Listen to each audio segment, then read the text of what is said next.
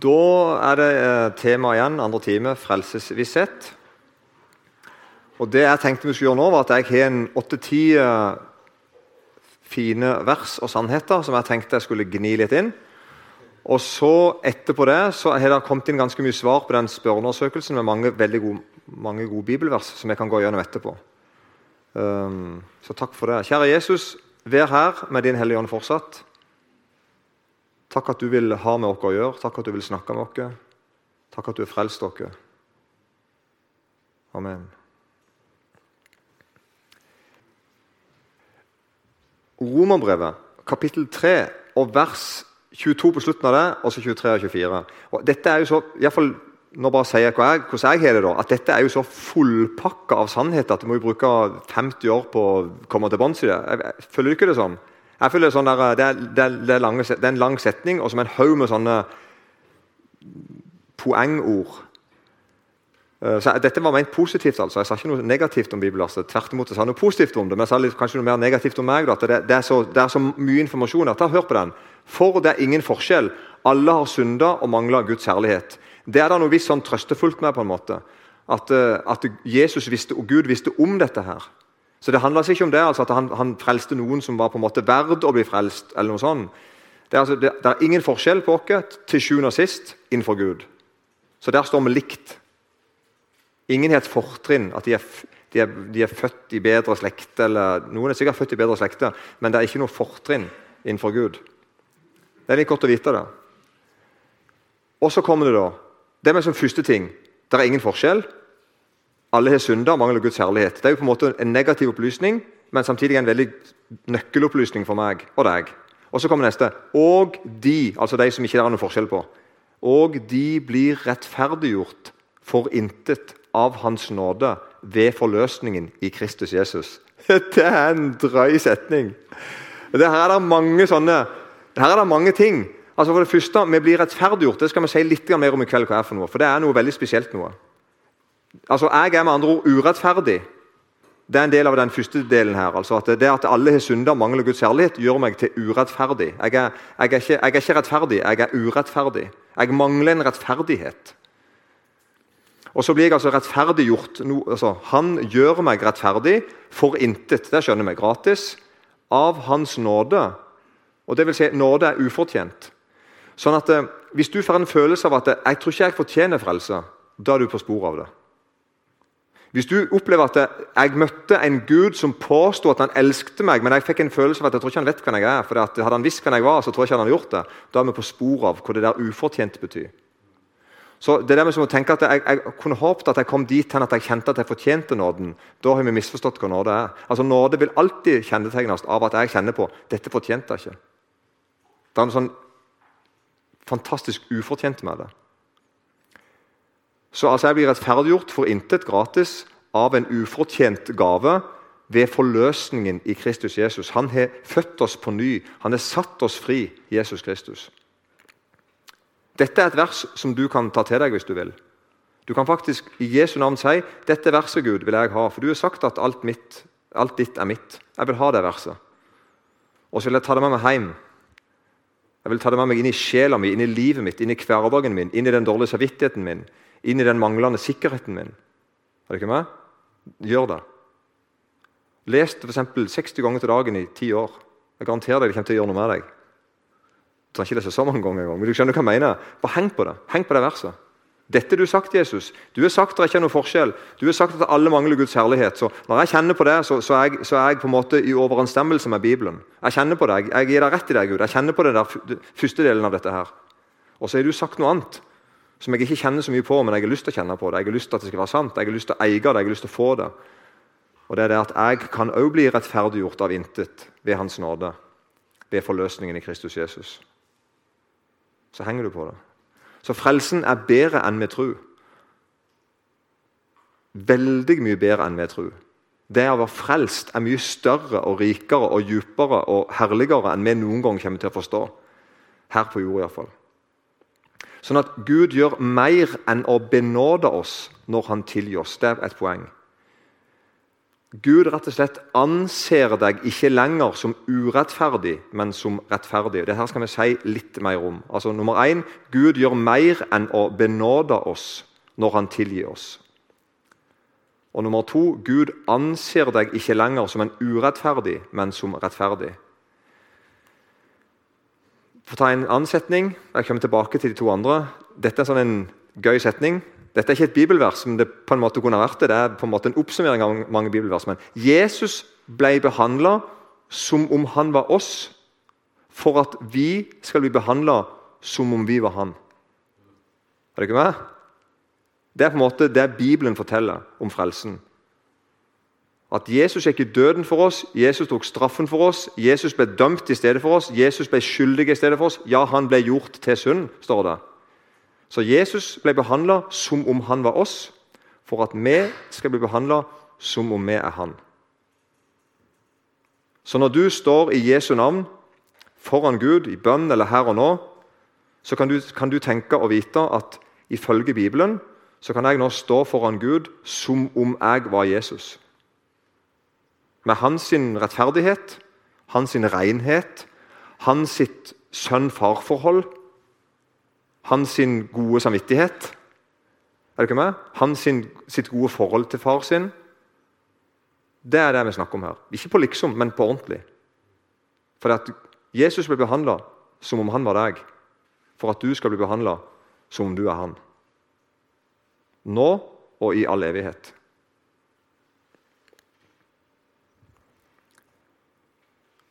Så Det som gjør deg til et Guds barn, er at du blir tilregna en rettferdighet som du ikke har. Mens du ikke blir tilregna den synden som du har.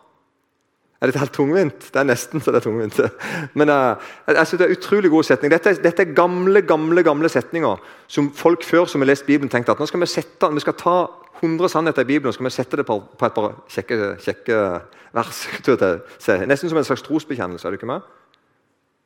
Dette er sånn oppsummerte sannheter i Bibelen. Det som gjør deg til et Guds barn, er at du blir tilregna en rettferdighet som du ikke har, mens du ikke blir tilregna den synden som du har. Så du får deg det? Det er altså en som gir deg noe som ikke er ditt, og så, og så, og så tar han skylda for noe som er ditt. Det er et slags plassbytte og skyld, skyld, bytte av skyld. Bytte av ansvar og bytte av skam som skjer. Så rettferdigheten den har jeg ikke, den blir tilregna meg. Synden som jeg har, den blir ikke tilregna meg. Så Luther har sagt, eller var kanskje Melanchthon som skrev det Gud anser oss i Kristus som om vi aldri hadde syndet. Og Her er det et ord som eh, Jeg vet ikke om du ikke bruker det ofte. Jeg gjør ikke der som jeg kommer ifra. Det kanskje handler litt om miljø og kultur. Men anser, det ordet 'anser' er ikke et ord jeg bruker til vanlig. Men her er poenget at vi kan, vi kan, ikke si at Gud ser oss i Kristus som om aldri hadde synda. Det kan, det kan være en litt sånn farlig setning å si at Gud ser oss. Gud ser ikke lenger synden min. Det kan vi si noen ganger. Det, ja, hvis vi legger godviljen til, så er det helt riktig å si. Det er evangelisk rett å si. Men Gud ser jo òg at jeg synder. Altså, Hvis jeg hører Jesus til, hvis jeg er kristen, hvis jeg er født på ny, og så gjør jeg en synd, så, så lærer vi at Gud ser egentlig at jeg gjør den synden. ikke sant? Sånn at Det blir egentlig galt å si det at for en kristen så ser aldri Gud at vi synder. Jo, han gjør det, men han tilregner deg ikke straffen for den synden. Er du med? Han anser oss i Kristus som om vi aldri hadde synda. Er det et bedre ord enn 'anser', så vil jeg gjerne ha, ha det ordet. Hvis noen har et mer moderne ord eller bygdeord for det, vil jeg gjerne ha det. Dialektord for det. Så, så Gud anser ikke. Han vet bedre. Gud vet at jeg er en synder. Han vet hvem jeg er. Og han ser når jeg gjør ting som ikke er som det skal. Men han anser meg ikke lenger. Han tilregner meg ikke den skylda. For jeg hører Jesus til. Og det vil, Han anser oss som om vi aldri hadde synda. Og Da kommer jeg inn litt på det med benåding. For Dette er et ord som blir brukt i rettsvesen og juss og litt sånn i dagligtale. Ordet 'benåda' vil jeg tro de fleste kjenner til. Å være benåda. Og ordet, det å være benåda vil si å ikke bli straffa for et lovbrudd som du har gjort. Så Hvis eksempel, du gjør et annet lovbrudd, som du, du gjør et lovbrudd, du blir tatt for lovbruddet, Og så blir du benåda. Det vil si at du, du, slipper straffen av en eller annen sprø grunn. Av en eller annen grunn da, så, så De som da tok deg, og som har myndighet, sier at vi skal benåde deg. Du skal slippe å ta straffen for det du har gjort. Da er du blitt en benåda trafikksynder, f.eks. At jeg ble egentlig tatt sånn og sånn, og så ble jeg benåda ut ifra en situasjon, bla, bla, bla. Så jeg, ble jeg benåda. Men fortsatt er det sånn at vi kan si vi vet at du gjorde det. Det var du som gjorde det. Du ble bare benåda. Og, og det er ikke bare, du er jo kjempeglad for det, men, men det, det, henger fortsatt ved deg. da. Det var, det var du som gjorde det. Men det å bli rettferdiggjort, som det står i Bibelen at kristne blir, og, og som blir tilbudt til ikke-kristne Det å bli rettferdiggjort, det er at du er beskyldt for noe men du går fri fordi du ikke var skyldig. Er du ikke med på forskjellen? Sånn at eh, når du, syndenes, eh, når du blir tilgitt synde, som du har gjort, så gjør Jesus mer enn Gud gjør mer enn å benåde deg for det. Han tar og straffer Jesus i stedet for, og så er, så er straffa, er synda sona. Og da er det ikke lenger, da er lenger altså, Syndet er gjort opp. Straffen er betalt. Så du er mer enn benådet. Du er benåda, og så er du satt fri. Som om du ikke har gjort det. Sånn at Det er så vilt, det jeg snakker om nå, at en dag når du da skal stå på dommens dag sant, er vi som Bibelen, det vi leser om i første timen Da skal ikke du med sånn akkurat så vidt slippe inn i himmelen. Det er sånn Ok, da. Du har gjort såpass, ja. Ok da, Men du skal med som allikevel. Sånn, nei. Det er sånn at du er rettferdiggjort. Du passer inn i himmelen sammen med Gud. Gud anser deg i Kristus som om du aldri hadde synda. Og Det gjelder nå òg. Ikke bare på dommens dag, men da skal du virkelig få sett det. Sånn 100% rett i ansiktet på oss. Men nå, nå, hører vi det, og så tror vi på det, og så stoler vi på det, og så lever vi etter det. Og Vi opplever det òg, vi kjenner litt på det òg. Det høres bra ut. Og Bibelen er full av sånne vers som forteller på mange forskjellige måter forteller at sånn er det. Så en kristen er mer enn å være benåda. For en benåda han går og vet at det var jeg som gjorde det. Jeg, jeg bare slapp å få straff. Men jeg er mer enn det. Jeg er forbi det. Jeg er rettferdiggjort. Straffet er gjort opp. Det er ferdig. Som om at du ikke er skyldig. Så Jesus mer enn benåder dine synder. Gud frikjenner deg. Du er fri. His, gamle dager er forbi. Gamle historier er forbi. Det som du gjorde i går, er forbi. Du kan begynne på nytt. Det er som om det aldri har skjedd. Jeg mener det jeg sier nå. Jeg, kjenner at jeg tenker på at er det så Dette blir kanskje for vilt, det jeg sier nå, men, men jeg mener det faktisk. For det er Bibelen sier det. Så du kan stå framfor Gud som ren, som uskyldig, som rettferdig, som uten skyld. Det er det Jesus Kristus har gjort for oss. Og Her er et sånn et kjernevers for meg. Det har vært i forferdelig mange år. Var Første gang jeg hadde meg som en andakt om dette bibelverset, da var jeg, på, da var jeg sånn 19-20 år og reiste i team og hadde møter på Tryggheim. Eh, på Tryggheim. Dette var sånn i steinalderen en gang. 90-tallet en gang. Og Da skal vi ha sånn morgenandakt i en haug med klasser hver morgen. og da, da fant jeg dette verset, og så så jeg en ting der og da at wow, det kan jeg si noe om. For Det, det, det passet med sånn som, jeg, sånn som jeg hadde opplevd akkurat da. For her står det, Vi leser verset først. Romerbrevet 5, 1-2. Og Her er det jo gøy å se at da vi nå er rettferdiggjort av tro Det er ikke noe sånn vi skal bli en gang, et, et, et løfte langt fram i tid. eller sånn. Nei, det, det er noe som er nå. Da vi nå er rettferdiggjort av tro, har vi fred med Gud ved vår Herre Jesus Kristus.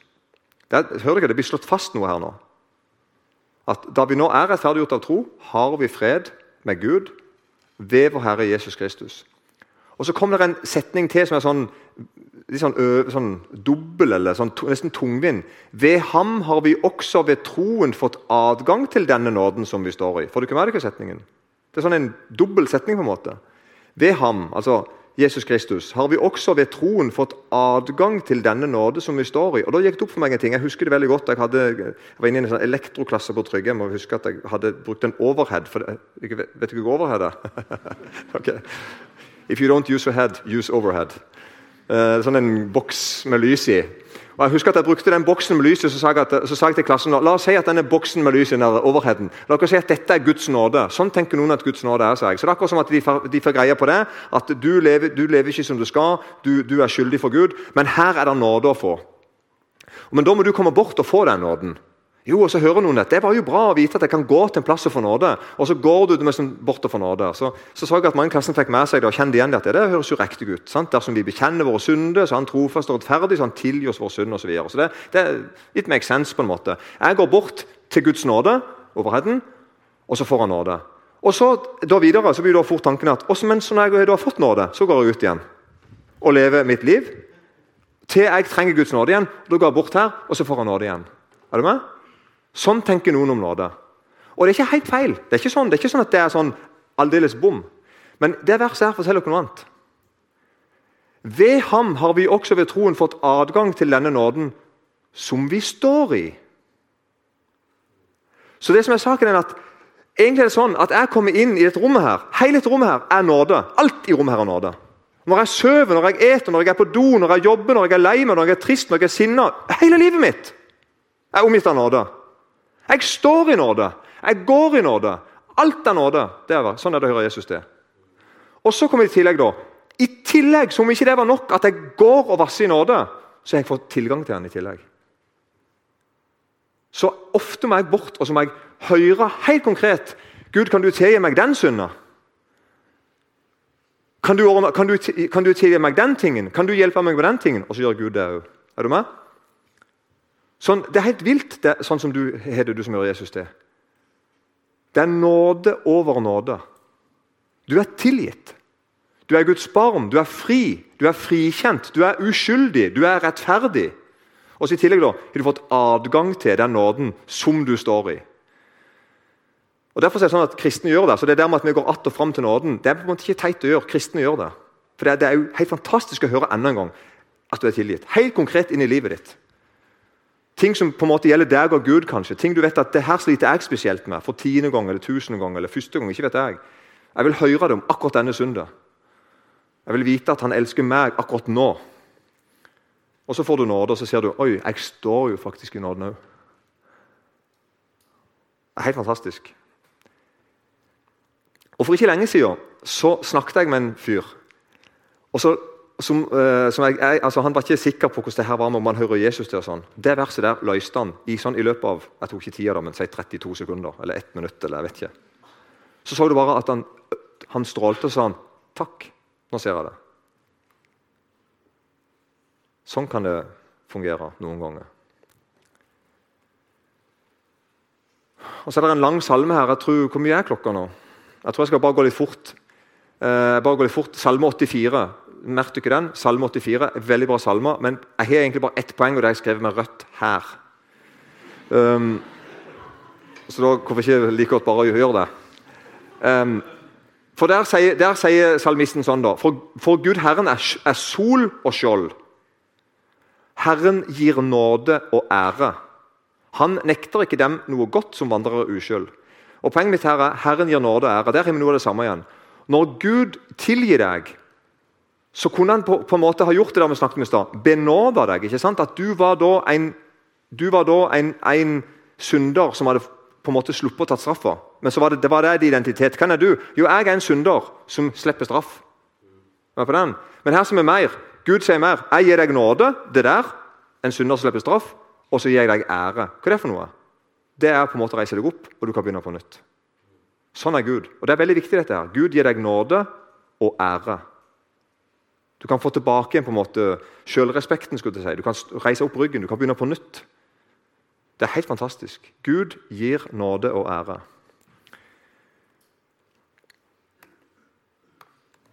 Um, jeg har en ting til de som sier at jeg, jeg, kan ikke tro. Det er noen som sier at jeg, jeg, jeg kan ikke tro.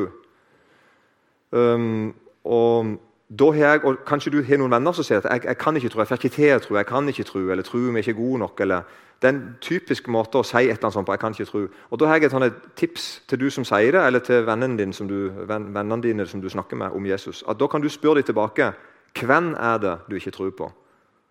For Ofte kan vi henge oss opp i vår egen tro, vår egen opplevelse av tro. På en måte, jeg kan ikke tro. Og da kan det være litt kult hvis du vender det motsatt og sier 'Hvem er det du ikke tror på?' For da vil ofte de si 'Nei, du misforstår. Det var ikke det jeg sa.' Det var ikke hvem jeg ikke trodde på, men jeg, jeg, jeg, som er ferdig til å tro. Ja, men hvem er du ikke ferdig til å tro på? Og Da tvinger du dem inn i en tanke som jeg holder på med nå. At de må på en måte vende seg vekk fra sin egen opplevelse av tro, eller sin egen opplevelse av manglende tro. Og så vender de seg bort til en som da sier Vil du tro på at jeg rettferdiggjør syndere? Vil du tro på at jeg elsker deg, selv om ikke du fortjener det? Er du med på den? Tror du at Gud kan rettferdiggjøre deg? Og da på en måte tenker jeg ja, jeg tror jo på at Gud Jeg tror ikke at Gud lyver. Nei, så bra. Skjønner du hva jeg mener? Du egentlig vrir det vekk ifra å, jeg, jeg kan ikke tro som jeg, jeg får ikke, får ikke trodd som jeg skal. De andre tror bedre enn meg, og de andre forteller om ditt og datt. Og så blir jeg opptatt av min tro, eller ofte min manglende tro. Så trua, ei kristen tro, og det gjelder jo all tro òg, den tror jo på noe. Det er jo hele poenget med ei tro. Og vi tror på Gud, Han som elsker syndere og rettferdiggjør den ugudelige.